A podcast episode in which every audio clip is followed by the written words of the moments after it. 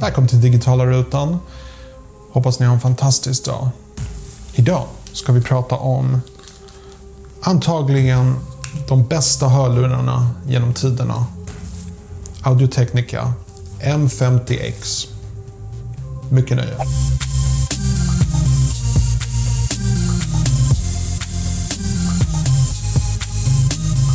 Okej, okay, så som ni kanske vet så använder jag normalt sett trådlösa bygellurar, Sony 100 ABN. Men dessa hörlurar har alltid haft en varm plats i mitt hjärta.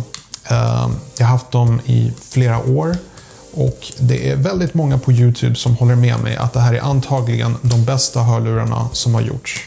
Ehm, jag kan hålla med till en väldigt stor del av dem. Ehm, när jag beskriver de här, vilka fantastiska egenskaper de har, så tror jag att ni kommer förstå varför de anses vara de bästa. För första, när vi pratar om ljudkvalitet så är de väldigt, väldigt hållbara. De bryts inte av om du böjer på dem. Det är metall inuti. Det är riktigt bra plast. De repar inte. De är riktigt sköna. Kuddmaterialet är top notch. Um, och de känns väldigt bra på öronen. De sticker inte ut allt för mycket heller. Och de isolerar från bakgrundsljud, vilket kan vara väldigt bra om du håller på med musikproduktion eller redigerar film. Um, de har ingen aktiv brusreducering eller sånt teknik, utan det är eh, väldigt enkla hörlurar.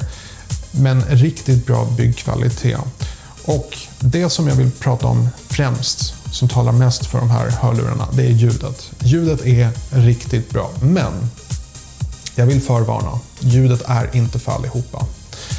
Den är inte för människor som vill ha mycket bas och mycket punch. Det finns bas och ljudet är väldigt klart, men det är där det är den stora skillnaden. Den fokuserar på att ha så jämnt och klart ljud som möjligt. Vilket är väldigt bra när du till exempel håller på med musikproduktion, redigerar filmer där du jobbar på liksom finslipa dialoger och sånt. Till exempel när jag videoredigerar på datorn, då använder jag bara de här.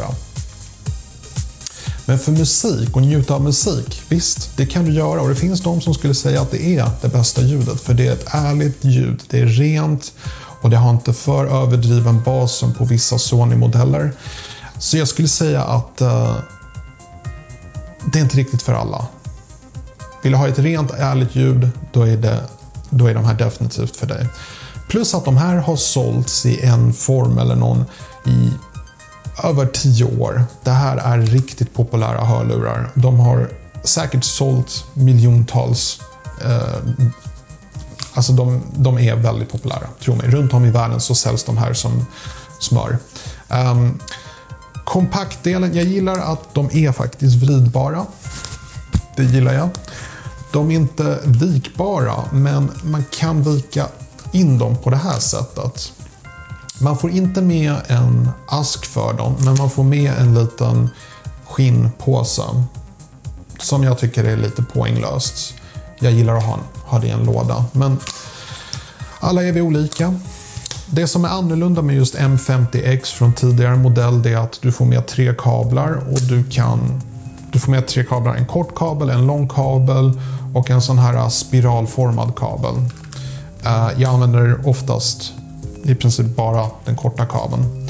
Jag har aldrig haft behov för mycket större kablar, men det är schysst att de ger eh, sån alternativ. Så att eh, allt som allt, det här är ett par fantastiska hörlurar och eh, jag rekommenderar definitivt de här till de som jobbar med ljud i någon form.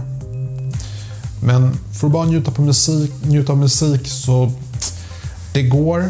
Man kan njuta. Det är inte horribelt ljud eller så. Det är bara inte speciellt överdrivet ljud som sagt. Så ja, jag tror att jag har sagt tillräckligt om dessa.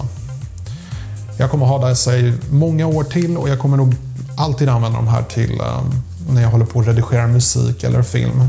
För de är så pass bra. Det var allt jag hade att säga i den här videon. Hoppas ni tyckte om den. Glöm inte att kommentera och glöm inte att prenumerera. Och så passar jag på att önska dig en trevligt fortsatt dag. På återseende.